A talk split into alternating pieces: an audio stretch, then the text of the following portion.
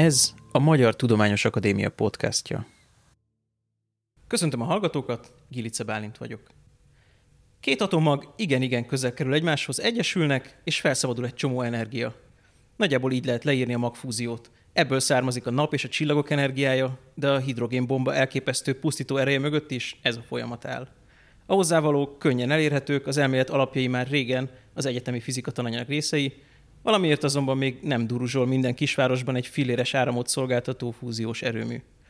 Nagyon úgy tűnik, hogy az ördög szokása szerint a részletekben rejtőzik. Az ő nyomából eredünk mai vendégemmel, Szabolics Tamással, a Wigner Fizikai Kutatóközpont munkatársával. Üdvözöllek! Köszöntök mindenkit, köszöntöm a kedves hallgatókat! Elkezdhetnénk azzal, hogy mikor jelent és hogyan jelent meg maga ez a fúziós gondolat, mikor gondolták úgy először a kutatók, hogy két atommag összeütközéséből valami eh, hasznos dolgot lehetne csinálni. Hogyha jól tudom, akkor már a fúziós álom az nagyjából az 1920-as évek környékén már megjelent a, a kutatók fejében, hogy ebből ezt lehetne hasznosítani a Földön is, de való, a, valójában a, a kutatások azok az 50-es években indultak el, akkor kezdtek létrejönni az első fúziós kutatólaborok a világon, és akkor kezdtek el kialakulni a, az első ilyen fúziós berendezések is. Tehát kezdjük az elejéről. A magfúzió az könnyű atomok egyesítését jelenti. Több tucat fúziós reakció létezik. A nap is egyfajta fúziót csinál, de ezt a Földön egyébként nem lehetne hasznosítani, mivel tömegarányosan nagyon kevés energiát termel. A nap az úgynevezett proton-proton fúziót csinálja egyébként, de ez egy nagyon lassan lezajló folyamat, hogy nagyjából köbméterenként egy watt teljesítmény az, amit a nap lead. Valahol ezt egyszer hallottam, és nagyon extrémnek tűnt, hogy a napnak a fajlagos energia termelése, tehát a napnak a fajlagos teljesítménye az körülbelül egy komposzt dombéval egyezik meg. Hát szerintem nagyjából ez reálisnak hangzik. Ugye, hogyha a, azt veszük, hogy egy köbméter egy watt, nagyjából ezt számoltuk ki a fizikus kollégákkal, akkor, akkor az tényleg nem tűnik olyan nagyon soknak. Tehát az egy LED, LED izzó, az mondjuk egy nagyjából 5 watt, és az olyan tök pici, és az egy köbméter az azért az elég sok uh-huh. anyag, és az egy watt az tényleg nagyon kevés, tehát de tényleg azt lehet mondani, hogy tömegarányosan azért nem olyan nagy teljesítmény a nap, hát azért tud olyan jobb működni, mert hatalmas a mérete. De ugye ezt a folyamatot, ezt mit a Földön nem tudnánk hasznosítani, ezért nekünk másfajta fúziós reakció kell megvalósítanunk itt a Földön, és az egyik legegyszerűbben megvalósítható fúziós reakció a Földön az a deutérium-tritium fúzió. A deutérium és a tritium a hidrogénnek két nehéz izotópja, a deutérium atommagban a proton mellett van még egy neutron, a tritiumban pedig a proton mellett még két neutron található. És ez kell nekünk a Földön. És akkor visszakanyarodva a történelemhez, kicsit az 50-es években kezdődtek az első kutatások, akkor még ilyen egyenes lineáris berendezéseket építettek, aminek ugye az volt a, a hátránya, hogy, hogy a két végén ugye kifolyik a, a, a, az anyag, ami kell. Ugye, és mi, mi ez az anyag, ezt még azért um, hadd mondjam el. A, az anyag, ami kell nekünk, ez, ez, ez a plazma az anyag negyedik halmazállapota, egyben a legelterjedtebb halmazállapot is az univerzumban, hogy a látható univerzumunk több mint 99% a plazma halmazállapotban van, ilyen plazmagömb, ami napunk is, meg az összes csillag. Ez nagyon magas hőmérsékletre van szükségünk. A nap magjában jellemzően olyan 10-15 millió fok Celsius fok mellett megy létre a, jön létre a fúzió, de nekünk itt a Földön 100-150 millió fokra van szükségünk ahhoz, hogy megvalósítsuk a magfúziót. Mi, miből áll ez a plazma?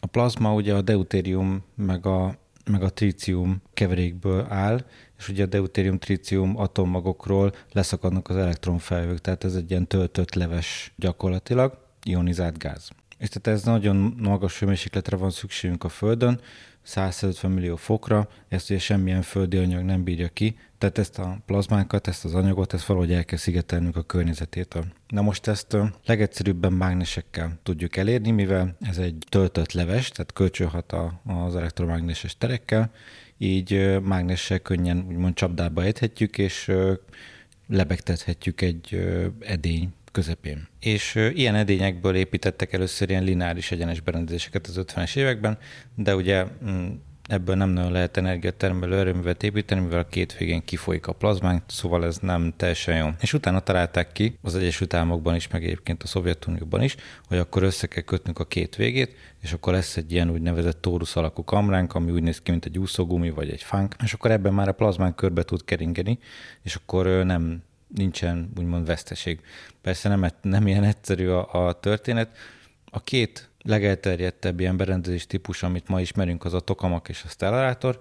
Az az érdekes, hogy a stellárátorokat egyébként már az 50-es években Lyman Spitzer, amerikai asztrofizikus mm, megalkotta a Princetonon, de nem ez manapság a legelterjedtebb berendezés típus, mert sokkal bonyolultabb megépíteni, mint a 60-as években a szovjet tudósok által kifejlesztett tokamakot, ami pedig egyszerű konstrukció miatt most a legelterjedtebb. A világon, és úgy tűnik, vagy hát nem is úgy tűnik, hanem az első erőmű méretű fúziós kísérleti berendezés az ITER, ami most jelenleg Dél-Franciaországban épül, az is tokamak típusú lesz, és az első már hálózatra termelő fúziós erőmű is 2050-60 környékén is tokamak típusú berendezés lesz. Egy pillanatra álljunk meg ennél a szónál, mert szerintem minden hallgató szeretné tudni, hogy ez, ez miből van ez a szó. Ez annyit tudunk róla, hogy orosz, de gondolom ez nem egy orosz köznév. A tokamak? Igen.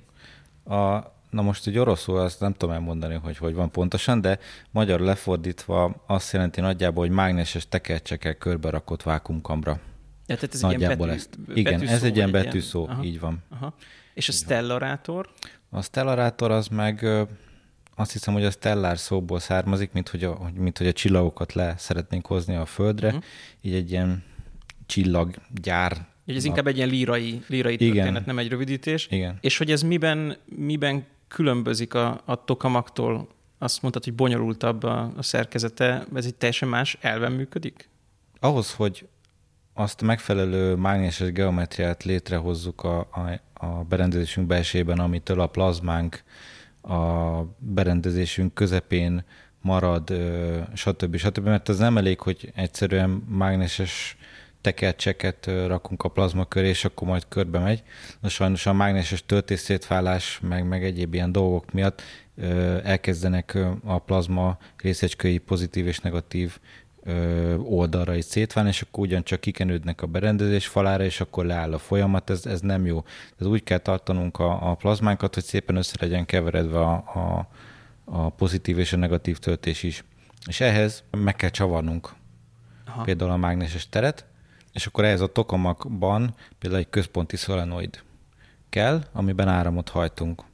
Ez, ez a szolenoid, ez egy, ez egy tekercs. Igen, Aha. igen, igen. És ez is az egyik hátránya. Tehát a tokamak az egyszerű konstrukció, de az a hátránya, hogy a központi tekercsben nem lehet a végtelenségig növelni, vagy nem lehet végtelenség áramot hajtani. Uh-huh. Ezért, ezért az nem tud folyamatos üzemben működni, tehát nagyjából egy tokamak típusú fúziós erőművet mondjuk úgy tudnék elképzelni, hogy van mondjuk egymás mellett négy, és mondjuk egy, mint egy motor dugattyúj, tehát négy henger, és akkor valamikor egyik megy, másik megy, De hogy ez szépen, ilyen- szépen összehangolva.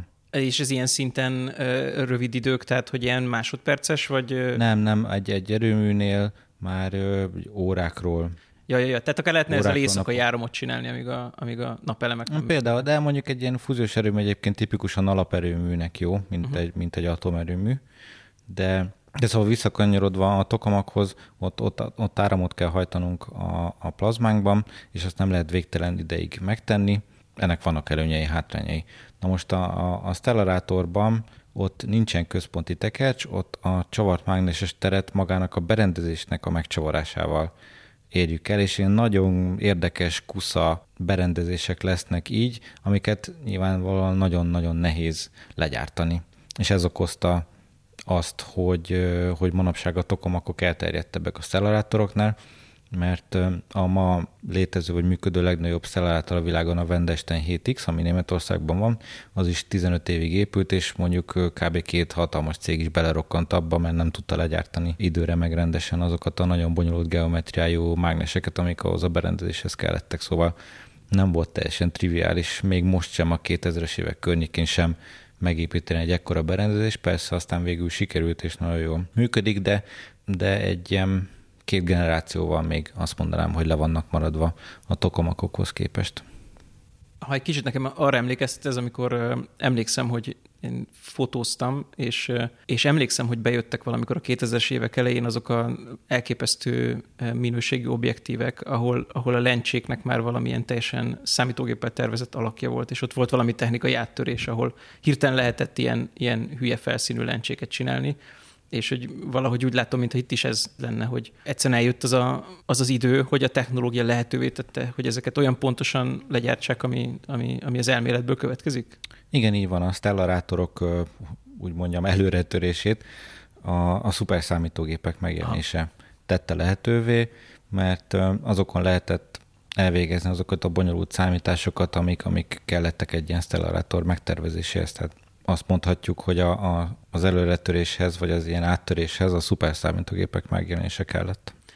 Azt mondtad, hogy ezt mágneses mezők tartják, tehát lényegében távol az edény falától ezt a, ezt a plazmát.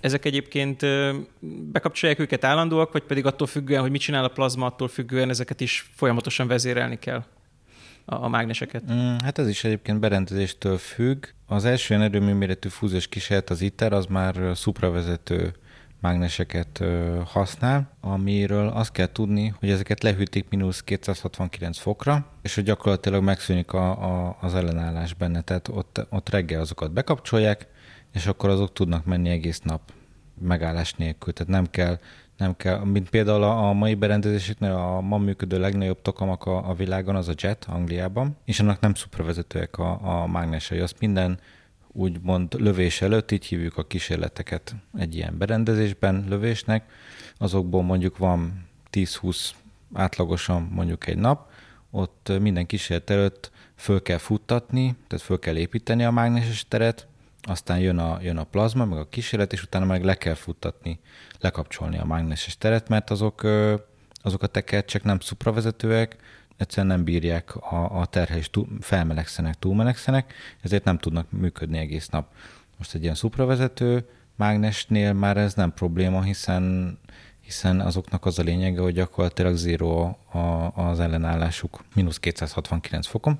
Persze vannak már ennél újabb szupravezető technológiák is, de, de mindegy, most még ezt az úgymond hidegebb szupravezető technológiát használjuk mi a fúziós kutatások során. Igen, ennek az a, az előnye, hogy, hogy így egész nap mondjuk fent lehet tartani a, a mágneses teret. Lényegében odaig jutottunk el, hogy van egy edényünk, ami nem egy hagyományos edény, hanem egy olyan edény, aminek a, a, a falai valamilyen értelemben mágnesből vannak, vagyis hát ez hát, a mágneses térből nem te, vannak. Nem teljesen, mert mondjuk a, a tehát maga az edényünk az, az acél. Igen. Az egy acél ötvözet, Ö, azt hiszem az iternél ez inkonel lesz, de ez egy acéltartály, és mondjuk úgy kell képzelni, hogy az acéltartályt veszik körül a, mágnes, a, a mágnesek, mint mondjuk a csuklónkat egy karkötő. Nagyjából így tudnám elmondani.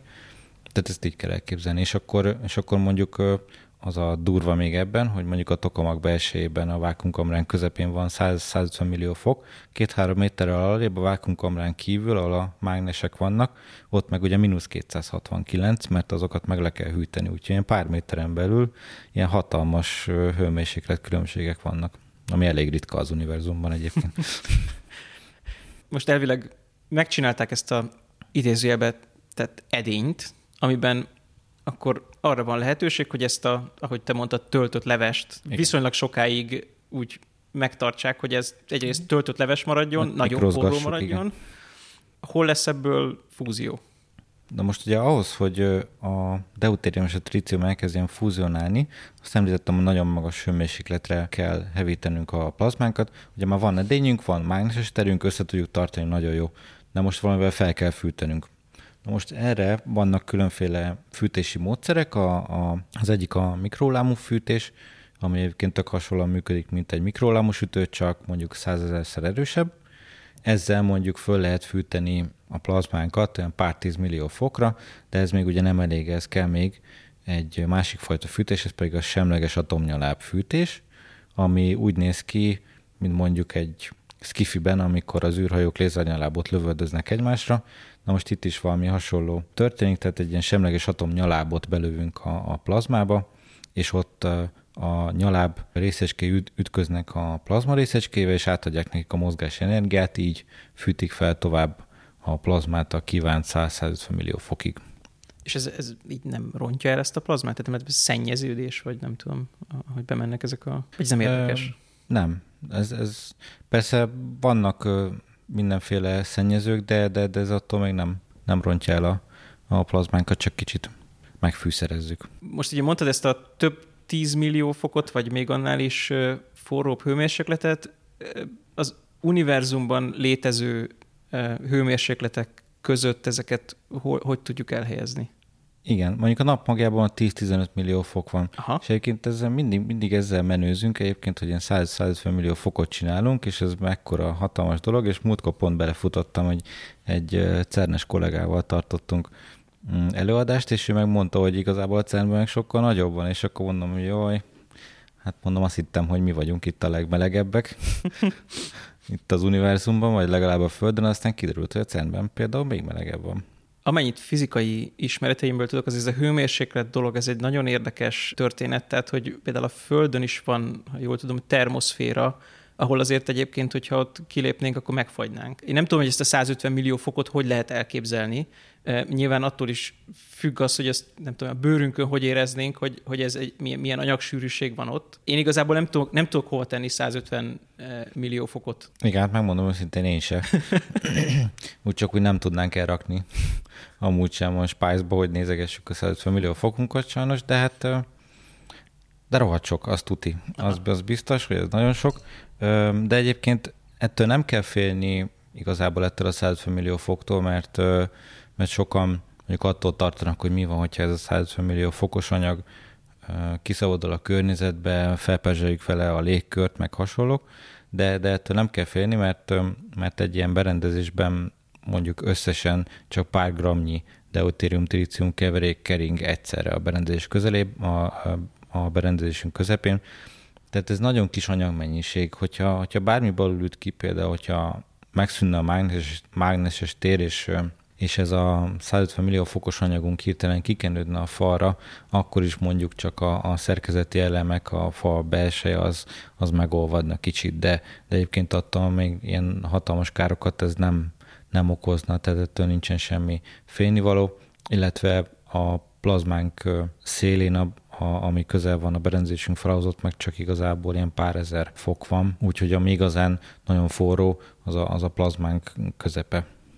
Hasonló plazma, legalábbis plazma van ugye a napban is, tehát hogy ott, ott nincsenek, nincsenek külön atomok, annyira, annyira meleg van, és azt is tudjuk, hogy a napot legalábbis a nap felszínét azt azért most elég jelentősen figyelik az űr, űrkutatók. Nyilván nektek is szükségetek van arra, hogy megértsétek, hogy hogy viselkedik ez a plazma. Ez nem csak egyszerűen egy, amiket, amiket mondtál, nem csak egyszerűen egy, egy ilyen homogén valami, ami, ami ott, ott úgy van, és a mágnesek ott tartják. A nap megfigyeléseiből, vagy ilyen csillagászati megfigyeléseiből tudtok valami plusz infót becsatornázni a ti, ti munkátokba? Egyébként igen, pont a, a, a napunk vagy múlt héten kaptam, kaptunk egy ilyen kérdést az egyik érdeklődőtől, aki látott egy ilyen videót, amiben fúzióról beszélünk, hogy ő is követi ezeket a, a legújabb napfelszínnel kapcsolatos kutatásokat, és olvasott egy ilyen eredményt, és megkeresett minket, hogy, hogy ezeket mi nem tudnánk, vagy nem hasznosítjuk-e.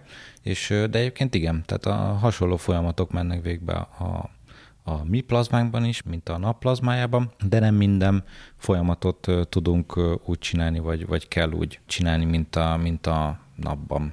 Az biztos, hogy most még nagyon erősen azon vagyunk, hogy minél jobban megértsük és vizsgáljuk a plazma viselkedését.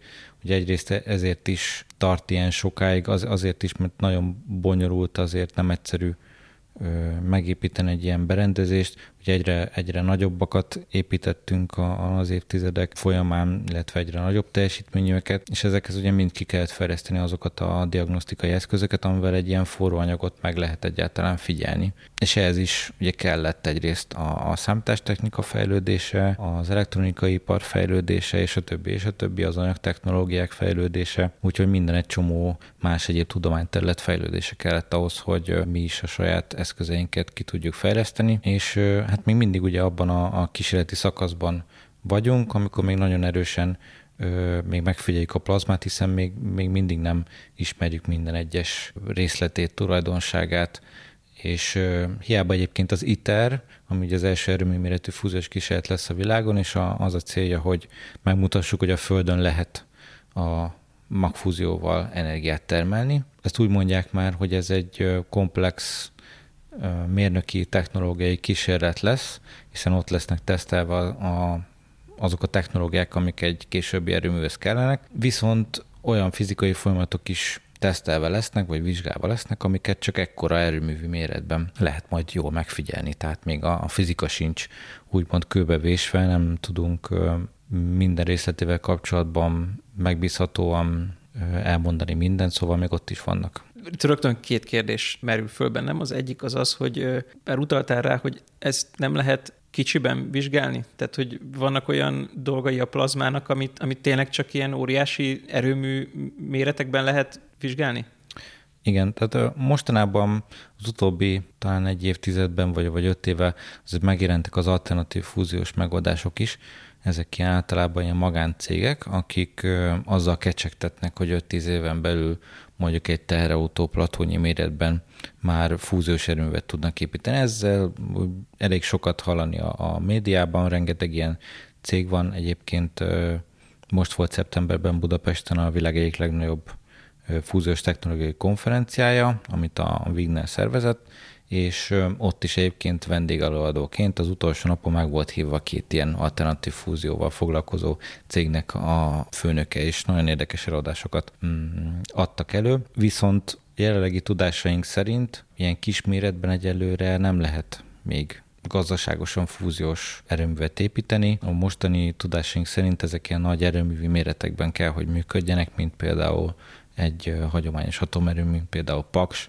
tehát az ITER-nek is például a fúziós teljesítmény az 500 megawatt tesz, ami nagyjából egy paksi blokkal egyenlő. Tehát az alternatív fúzió az, az olyasmi most, mint az alternatív történet, vagy, vagy azért annál komolyabb? Hát szerintem annál komolyabb, tehát semmiképpen nem, nem mondanám azt, hogy hülyeség, amit csinálnak, mert fontos, tehát mi is mindig egyébként tartjuk velük a kapcsolatot, meg, meg fontosan monitorozzuk a, a munkájukat, de, de ők nagy részt, vagy, vagy sok esetben olyan koncepciókat vesznek elő, amiket mondjuk a mi kutatásaink már évtizedekkel előtt, e, ezelőtt úgymond félretettek, mert hogy, mert hogy abból nem lehet gazdaságosan erőmet építeni. Még akkor ide kívánkozik egy ilyen alternatív módszer, vagy nem tudom mennyire, mennyire van benne ez a mainstreamben, hogy most azért elég sokat hallunk arról, hogy a lézer technológia elképesztő mértékben fejlődik, és valahol olvastam, hogy, hogy vannak olyan kifejezetten kicsiben, elméletben működ, működő módszerek, amik valamilyen lézer segítségével oldják meg ezt, hogy valahogy közel kerüljenek egymáshoz ezek a, ezek a bizonyos kicsi atommagok. Kétfajta ilyen fúziós megközelítés van, hogy úgy mondjam, a, a Földön. Az egyik a, a mágneses összetartású fúzió, amivel mi is foglalkozunk, a másik pedig az inerciális összetartású fúzió, ami a lézerfúzió. Tehát az a lényege, hogy rengeteg erős lézernyalábbal mondjuk a, a NIF-ben 192 irányból összesen ö, nagyon erős lézerekkel megbombáznak egy, egy nagyon pár milliméteres kis deutérium tritium kapszulát, és így ö, nyomják össze, és kényszerítik arra az atomokat, hogy fúzionáljanak. Gyakorlatilag egy mini hidrogénbomba robbantást csinálnak. Akkor, akkor lehet, hogy az, az az inerciális, hogy a tömegből adódó tehetetlenség miatt tud ez összenyomódni? Igen. Aha, aha, aha. De jelenlegi tudásunk szerint szintén ebből nem lehet gazdaságosan még egyelőre fúziós erőművet építeni. Másrészt pedig egyelőre nagyon drága egy-egy ilyen kísérlet elvégzése, mert mindenféle azt hiszem ilyen arany kapszulába rakják bele a deutérium tritiumot, és ezek ilyen másodperc töredék alatt lezajló kis mikrorobbantások, és mondjuk ahhoz, hogy azt hiszem nálunk is a, a fizikusok ezt kiszámolták, hogy ahhoz, hogy ebből valamilyen hatékony energiatermelési módot ki lehessen hozni, ahhoz talán ilyen másodpercenként tíz ilyen mikrorobbantást kéne csinálni. Na most azt hiszem, hogy ők most naponta csinálnak nagyjából ilyen tízes nagyságrendet, és mondjuk egy ilyen lövés lett, hogy azt hiszem, hogy olyan tízezer dollár nagyságrendű kategóriát, tehát még nagyon-nagyon drága. Most, Aha. hogyha ezek a kapszulák azok ilyen centes vagy ilyen egy dolláros kategóriába tartozó áruk lennének, akkor lehetne ezt hasznosan vagy hatékonyan megvalósítani. Viszont itt akkor a maga az erőmű, meg ez az egész, egész berendezés, ez nem egy ilyen iszonyatos bonyolult történet, mint mondjuk az ITER, ugye? Vagy ez, vagy ez, is, ez is elég bonyolult? Már melyikre gondolsz? Az hát, hát az ilyen vagy... iniciális, ez az ilyen kapszulás dolog. De egyébként ott az, az is azért nagyon-nagyon bonyolult cucc, hiszen ott nagyon pontosan kell célozni a, a, a lézerekkel egy ilyen pár milliméteres kis célpontra gyakorlatilag. Uh-huh. Azokat össze kell hangolni, a hatalmas energia kell a lézerek táplálásához, tehát az sem azért nagyon egyszerű feladat, az elég sokáig építették egyébként ők is az USA-ban a NIFET, meg, meg egyébként az, azt hiszem, hogy ezért egy félig, ilyen félkatonai végül is lőnek benne. Kutatás is, igen. Úgyhogy az, az nem teljesen, de amit mi csinálunk, a mágneses összetartású fúziós kutatások, az egy teljesen nyitott, nyílt kutatás, bárki elolvashatja az összes ezzel kapcsolatos publikációt, hogy mi mivel foglalkozunk, stb. Tehát ezek teljesen nyilvánosan hozzáférhető dolgok, amikkel mi foglalkozunk. Most térjünk vissza odáig, hogy, hogy hol is tartunk ebben a folyamatban, a fúzióig, tehát ott tartunk, hogy van egy bonyolult mágneses, szupravezetős és acéltartályos alapon működő, nagyon-nagyon drága edényünk. Ebbe beleteszünk deutérium és tríciumnak a, az elegyét. Majd ezeket ott helyben fölmelegítjük iszonyatosan melegre, tehát 100 millió fok fölé, és akkor mi a következő? Elindul a fúzió. Most még egyet visszalépve, azt még eddig nem mondtam el, hogy, hogy honnan lesz egyetlen deutérium triciumunk. Most a deutérium egyébként az minden 6000. vízmolekulában megtalálható egy deutérium atommag, és vízből ugye rengeteg van a Földön, tehát ez emberi léptéken nézve évszázezredekig, milliókig elegendő deutériumunk rendelkezésre áll a, a Földön, tehát ez könnyű be, be Igen, és, illetve, és gyakorlatilag megvannak rá a, az ipari technológiák is, már a másik világháború óta ezt nehéz víznek is hívják, tehát ezt nem lenne probléma elő, előállítani a deutériumot. Tehát ilyen szempontból a fúzióhoz végtelen mennyiségben rendelkezésre áll a, az egyik energiaforrásunk. Na most a másik, a trícium az meg kicsit trükkösebb, hiszen az radioaktív, 12 év a felezés ideje, ezért nagyon hamar elbomlik, és a természetben is csak a légkör felső rétegében található meg, ott is nagyjából az egész légkörben mondjuk ilyen pár száz kilónyi, tehát azt pedig valahogy elő kell állítanunk, szakszóval éve szaporítanunk kell. A fúziós erőmben az az elképzelés, hogy a tríciumot ott magában a berendezésben állítjuk elő, méghozzá lítiumból. Hogyha egy lítium atommag magot megbombázunk úgymond egy neutronnal, akkor az ketté hasad egy hélium atommagá és egy trícium atommaggá. És ezt a trícium atommagot, ezt vissza tudjuk vezetni a, a fúziós folyamatba, tehát a, egy fúziós erőmű az önmagának termelné meg gyakorlatilag az üzemanyagát, hiszen hogyha ilyen litiumos kazettákkal körbe rakjuk a berendezésünket, akkor a fúziós folyamatból kiszabaduló neutron, és a deutérium-tritium fúzió végterméke az egy hélium atommag és egy neutron. Ugye hélium az, az, az teljesen ártalmatlan gáz, ugye lufikat töltünk meg vele, vicces hangon tudunk vele beszélni, úgyhogy, úgyhogy az teljesen rendben van, és ugye a neutron az, ami a legnagyobb mozgásenergiát hordozza, és a neutron az, amit úgymond hasznosítanunk kell gyakorlatilag az energiatermelésre. Most egyébként az ITER méretében a, a már a, a hidrogén mm, vagy a, bocsánat, a hélium atommagot is tudjuk hasznosítani, hiszen annak is az elég nagy energiája van, de mindegy, és Szóval, hogyha a fúziós reakcióból kiszabaduló neutron belőtközik a berendezés falába, ott a lítiumból lesz nekünk héliumunk és tríciumunk, akkor a tríciumot visszavezetve a fúziós folyamatba egy ilyen önfenntartó erőművet tudunk gyakorlatilag létrehozni. Ez az elképzelés, és ez a technológia is az ITER-ben lesz tesztelve legelőször. Láttam egy filmet, aminek az volt a címe, hogy Hold. Igen. És ha jól emlékszem, akkor ott az volt, hogy a, a Hold felszínén... A hélium 3-at. Hélium 3-at. Hélium 3-at, nem tríciumot. Aha. Hélium 3-at bányáztak, hogy az is ö, ö, valamilyen értelemben jó, jó lenne. Igen, mert pont tavasszal volt egyébként egy ilyen kezdeményezés, hogy, hogy ilyen skifiket kommentáltunk, mint, mint kutatók, meg mérnökök, hogy ilyen fúzió szempontjából mennyire valós, és az egyik az a hold volt. És egyébként igen, a hélium-3 az, az nagyon hasznos volna, hogyha ugyanígy tudnánk bányászni egyébként a, a, a holdon, mert állítólag tényleg a nagy hélium-3 készletek vannak, azt, azt tudnánk hasznosítani. Aha. Viszont akkor visszatérve arra, ami, ami nem, nem skifi, hanem, hanem már e, nálatok e, realitás. Tehát ott tartunk ismét ebben a folyamatban, hogy itt van ez a tartályunk, benne ez a nagyon forró plazma, ebben elég meleg van már ahhoz, hogy ugye magától a meleg a hőmozgás hatására elég közel kerülnek egymáshoz a, ezek Igen. a bizonyos atommagok. Ezek egyébként taszítják egymást iszonyatosan, gondolom én, hiszen pozitív töltésűek. Így van, így van, hogy ezért kell ez a hatalmas hőmérséklet is, hiszen akkor ilyen hőmérsékleten nagyon gyorsan mozognak a, a, az atomok, és úgy le tudják győzni a, a, az atommagokban levő nagyon erős kölcsönhatást, az úgynevezett kulomgátat meg tudják ugrani, és, és be tudnak férkőzni az atommagba, és így ö, fúzionálni tudnak. Igen, tehát lezajlik a, a fúzió, és akkor azt mondtuk, hogy keletkezik a deutériumból és a tritiumból keletkezik hélium, és, és, neutron. és neutron, és egyéb energia, tehát gamma, foton, ilyesmi, az, az ilyenkor nincs? De egyébként van, van mindkettő, ha jól tudom, igen. És egyébként tehát ebből elkonyodva arra fele, hogy, hogy ebből hogy lesz mondjuk majd... Igen, ez lett volna a kérdésem igazából. Áramunk. A, egy fúziós erőműben egyébként teljesen úgy van elképzelve az energiatermelés, mint bármelyik másik hagyományos erőműven, tehát ott ugyanúgy vizet melegítünk, az gőzt fejlesztünk, meghajt egy generátort, és akkor mehet a hálózatra a megtermelt áram.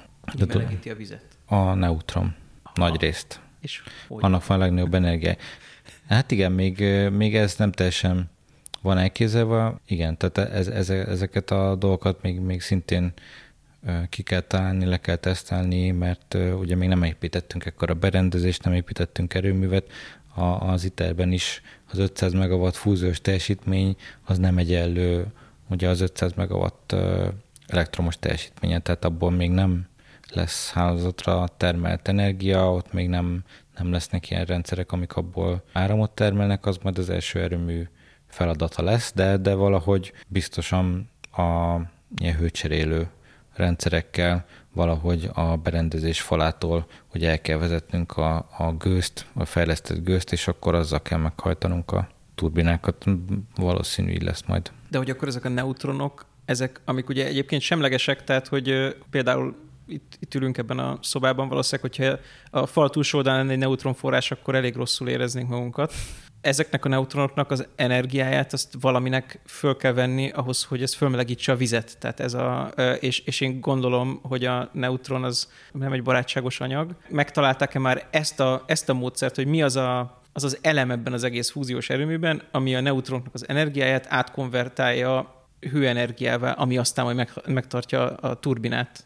Szerintem, hogy teljesen nincsen kitálva, de egyébként a, a, a, a víz az egy nagyon jó neutron megfogó, tehát hogy a, a víz az nagyon szépen lelassítja a, a neutronokat, és akkor ugye azok átadják a víznek a mozgási energiájukat, és szépen felfűti a vizet. Tehát az, az egyik. Most én így úgymond laikusan azt tudnám még mondjuk elképzelni, hogy mondjuk az iterben a, a vákumkamra fala az mondjuk ilyen pár száz fokig tud felmelegedni, és valahogy mondjuk a kamra falá a másik oldalról a falon valamilyen hőcserélő rendszeren keresztül tudnánk vizet melegíteni, én, én valami ilyesmit tudnék elképzelni. Tehát, hogy akkor kell legyen egy olyan fala ennek az egésznek, amelyik egyrésztről azért nyeli el a neutronokat, hogy megvédje azt, aki kint van, másrésztről pedig azért nyeli el a neutronokat, mert különben sem értelme nincs az egésznek. Igen, gyakorlatilag igen. Ugye a, a, egyébként az ITER-nél most szeptemberben volt szerencsém kimenni és megnézni az építkezést, hogy hogy áll.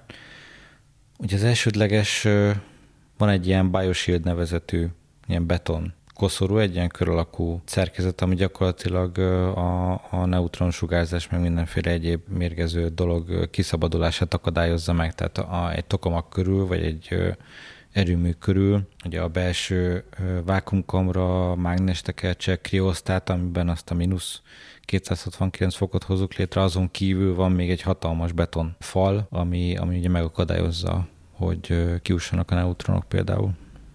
Ha lehet, akkor remélhetőleg ezek már csak ilyen, ilyen, ilyen kósza neutronok, amik nem, nem használódtak föl a, magára a hőtermelésre. A másik kérdésem az lett volna, amikor mondtam, hogy van, rögtön fölmerül két kérdés, hogy tudsz-e még olyan, még egy olyan projektről, ahol úgy kellene már mérnöki megoldásokon gondolkozni, hogy ennyire nem tiszta még a tudomány, mögötte. Tehát, hogy ez egyszerre egy kísérlet, és, egy, és, és olyan dolgokat kell előre látni, amikre adott esetben még mondjuk nincs válasza a tudománynak.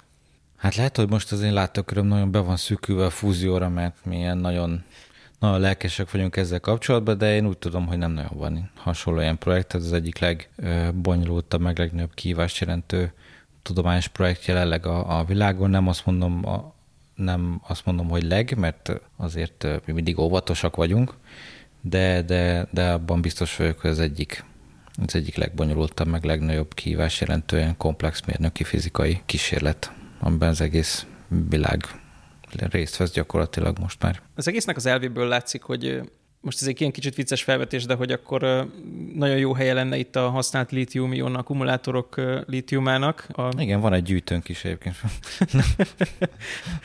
De a másik, ami egy kicsit komolyabb fölvetés, aminek valahol, valahol olvastam, hogy hát ugye ez egy brutális neutronforrás, egy ilyen fúziós erőmű, amit ugye egyrésztről neutronokat használnak azért egy csomó dologra kontrolláltan, ilyen, akár ilyen orvosi célokra, ilyesmi, de hogy én hallottam valahol egy olyan felvetést is, hogy a neutronokkal meg lehet gyorsítani, vagy meg módosítani lehet különböző uh, ilyen atomokban zajló folyamatokat, Például egyébként nehéz atommagokban, radioaktív, akár radioaktív hulladékban. Erről esetleg tudnál lemondani egy pár szót?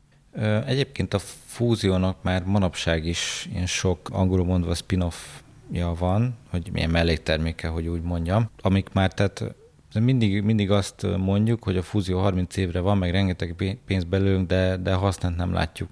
De gyakorlatilag egyébként már most mindenki számára látható haszna van a fúziós kutatásoknak, hiszen mm, a szupravezető technológiák használata, meg elterjedése nagyban hozzájárult ugye az orvostudományban az emeri készülékek elterjedéséhez, amik szintén szupravezető mágneseket használnak, aztán különféle telekommunikációs protokollok, meg, meg eszközök elterjedésében is szerepe volt fúziós kutatásokból származó melléktermékeknek, radioaktív hulladékok kezelésében szintén, és még van, van egyébként még még több hasonló ilyen terület, most így fejből hirtelen nem tudom, de az is van egy nagyon szép kis infografikánk egyébként, ami bemutatja, hogy a fúziós kutatásoknak milyen már manapság is hasznos vagy használt mellékterméke van.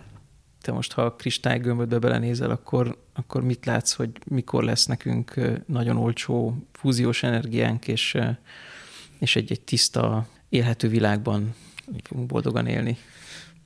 Most ugye az a terv, legalábbis az, Euró, az Európai Unió fúziós kutatási terve az az, hogy 2050-es, 60-as években épülne meg az első demonstrációs erőmű, aminek az a neve, hogy demo, ez az ITER utáni lépés, amely már először hálózatra termelne energiát valamennyit. Ez nyilván még, még, még nem lesz azért nagyon gazdaságos.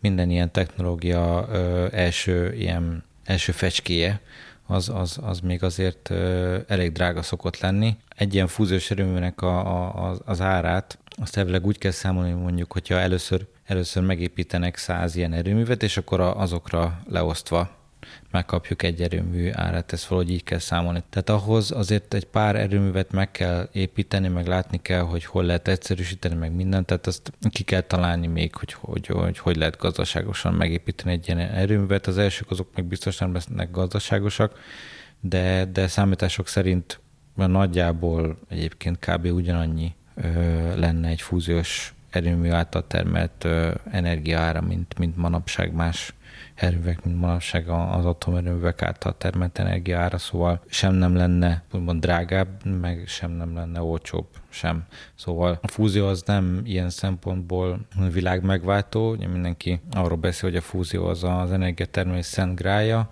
sok szempontból szerintem is az lehet, már csak azért, mert hogy a széndiokszid kibocsátásmentes technológia, a benne keletkező nukleáris hulladékok sokkal jobban kezelhetőek, mint egy atomerőműben, hiszen mondjuk egy fúziós erőműben a szerkezeti elemek azok felaktiválódnak, de azok olyan nagyjából száz éven belül már újra felhasználhatók, tehát nem kell megoldanunk több ezer évig a nukleáris hulladékok tárlását, mint egy hagyományos atomerőmű esetében, illetve Ugye a másik nagy előnye, hogy gyakorlatilag emberi léptékkel nézve végtelen mennyiségben rendelkezésünkre áll a, fúzió szükséges ö, üzemanyagaink. Szóval nem mondanám, hogy ettől majd olcsóbb lesz a kenyér 50 év múlva, de az biztos, hogy azért nagyban hozzá fog járulni ahhoz, hogy az emberiség egyre növekvő energiaiségét csökkentsük valahogy. De a, itt a másik aspektus a, a fúziós energiának például, hogy sokan azt mondják, hogy na majd akkor a, a fúziós energia az majd, az majd minden más kivált. Nem, nem vált ki minden mást, mint, mint manapság is mindenhol energia mixre van szükségünk, ami magában foglalja a megújuló energiaforrásokat is, és a nagy mennyiségű energiát előállító alaperőművekre is, mint például az atomerőművekre. Tehát a fúziós erőmű is mondjuk olyan, hogy megy ilyen nappal, megtermeli azt az 1-2 gigawattot folyamatosan, ami kell, és, és mellé bekapcsolódhatnak más fajta erőművek, akár a, a vízerőművek, vagy a, vagy a megújulók, amiknek ugye azért nem olyan fontos a, az energia termelése, mert hogyha nem süt a nap, nem fúj a szél, akkor, akkor azok nem tudnak energiát termelni. Most a, a másik dolog, ami miatt sokan ellenzik a fúziót, meg hogy nagyon sokba kerül, az az, hogy hiszen úgyis nem sokára meg lesz oldva, hogy tárolni tudjuk az energiát, mondjuk, amit a megújulók tudnak termelni. De itt egy komoly versenyt látok kialakulni a lítiumért. Igen. Igen egyébként, de de nincs ilyen semmilyen hátsó hatalom, aki lobbizna a fúzió mellett vagy ellen. Ez egyszerűen a jövőben szerintem mindenre szükségünk lesz, amink csak van és, és egyébként az ilyen energiák tárolására szánt pénz vagy kutatás is mondjuk összemérhető lenne a fúziós technológia kifejlesztésének a, a költségével, tehát ez egy hasonló mértékű ilyen technológiai fejlesztés lesz, vagy lenne szerintem az, az ilyen energiatárolási technológiák fejlesztése, mint a, mint a fúziós technológia kifejlesztése.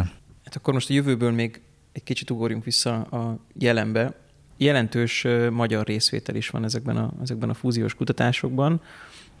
Erről tudnál -e mondani pár szót? Hogyne, persze. Mi egyébként a Wignerben, meg így a magyar fúziós kutatásokkal foglalkozó szakemberek már két-három évtizede, vagy sőt, még, még, még régebb óta részt veszünk a, a magfúziós kutatásokban.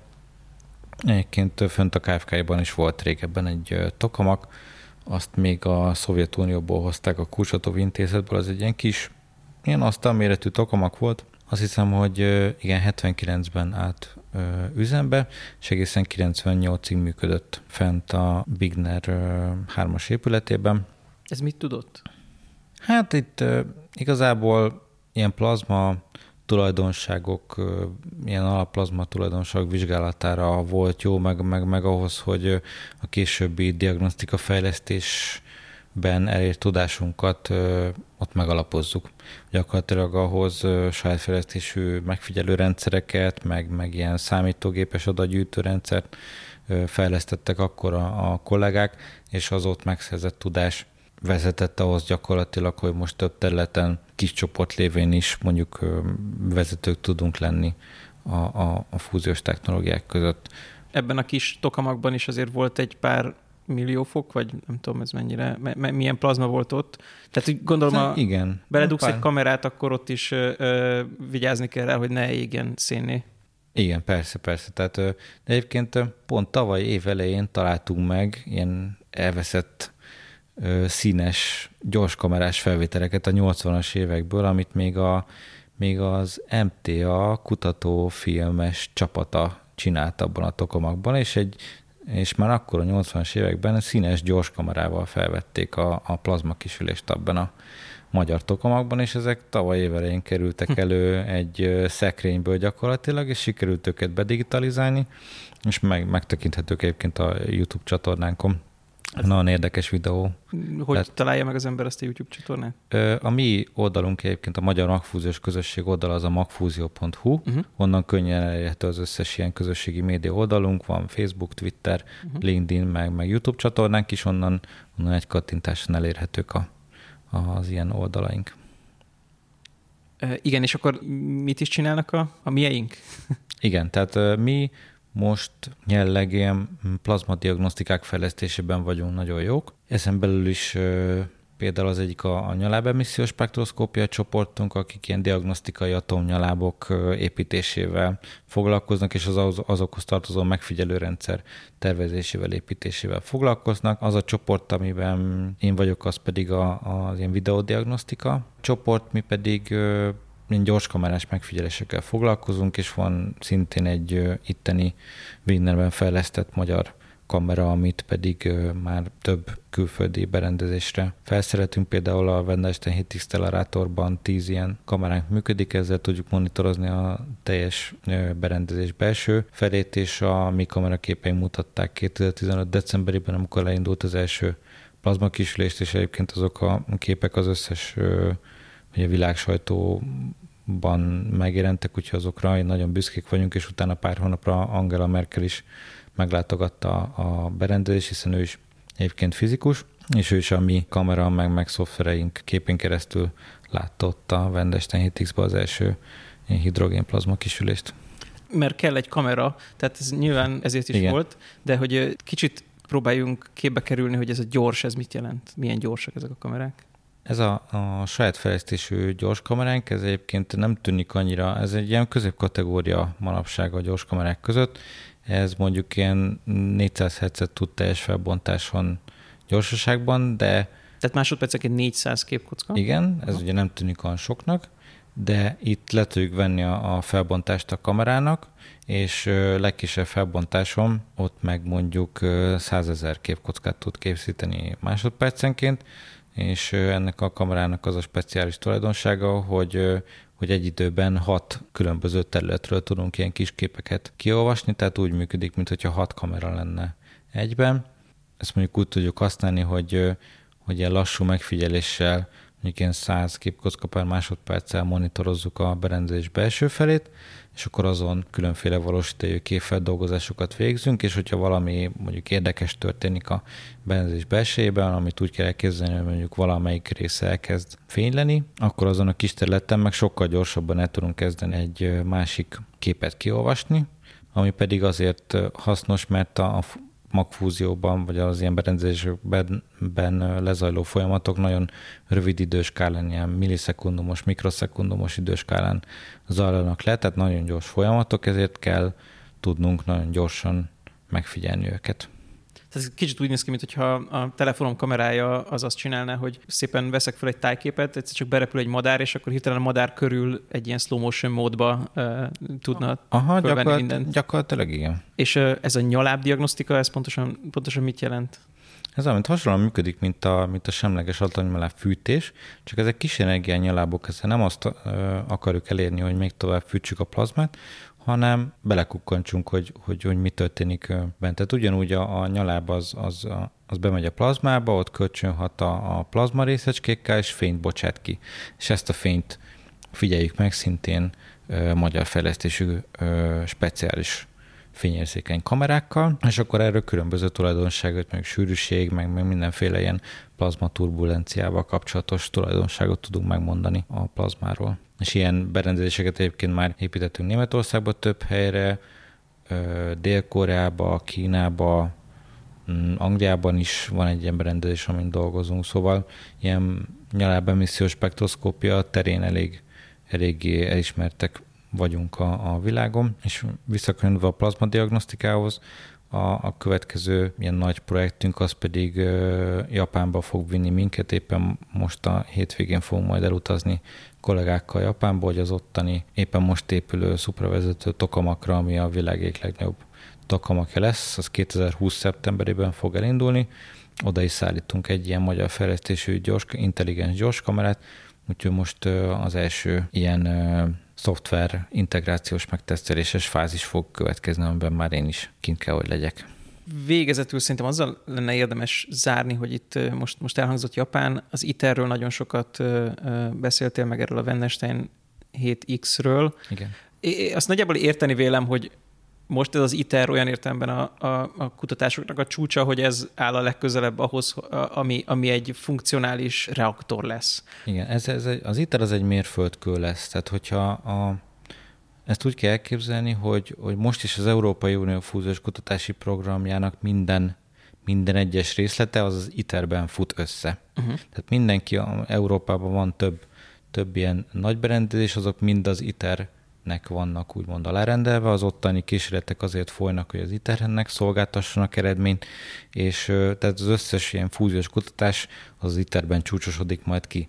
És hogyha valami miatt mondjuk az ITER az nem sikerül, akkor, akkor valószínűleg soha nem lesz már ö, fúzió, vagy legalábbis nagyon-nagyon hosszú időre, évtizedekre vissza fogja vetni a, a fúziós kutatásokat, hiszen hiszen, hiszen hogyha az ott nem sikerül, akkor, akkor az nagyon-nagyon meg fogja rengetni a hitet ebben a technológiában, de mi természetesen bízunk abban, hogy, hogy ez sikerülni fog, és nagyon úgy tűnik, hogy, hogy tényleg fog is.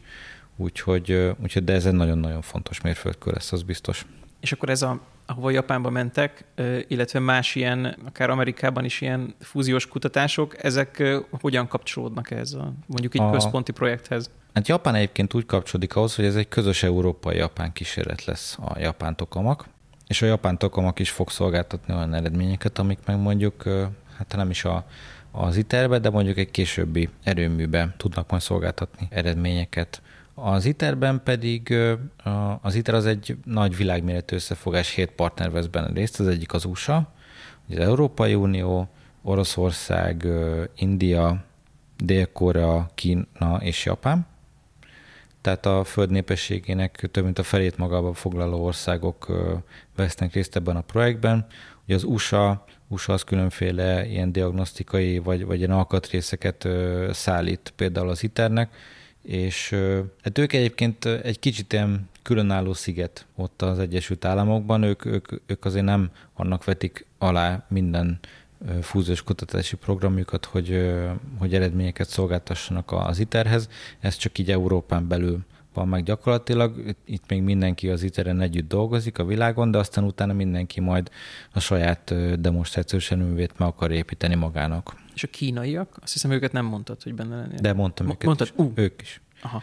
Úgyhogy tényleg mindenki Aha. benne van ezekben a, a kutatásokban. Ezek annyira nyílt kutatások, meg, meg annyira nem katonai célúak, hogy még a hidegháborúban is az amerikaiak, meg az oroszok is együttműködtek ezekben egyébként. Nehéz úgy, úgy valamit robbantani, hogy előtte kell körülötte csinálni egy mágneses mezőt.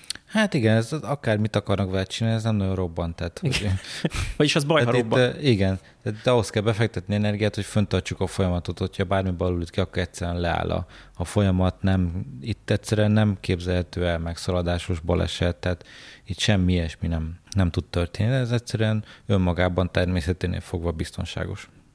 És egyébként ez egy ilyen nagyon ilyen egzotikus kérdés, hogy ugye ott volt a hidrogénbomba, ami szépen demonstrálta, hogy lehet csinálni fúziót földi körülmények között is, csak ugye nem jó hozzá közel lenni. Igen.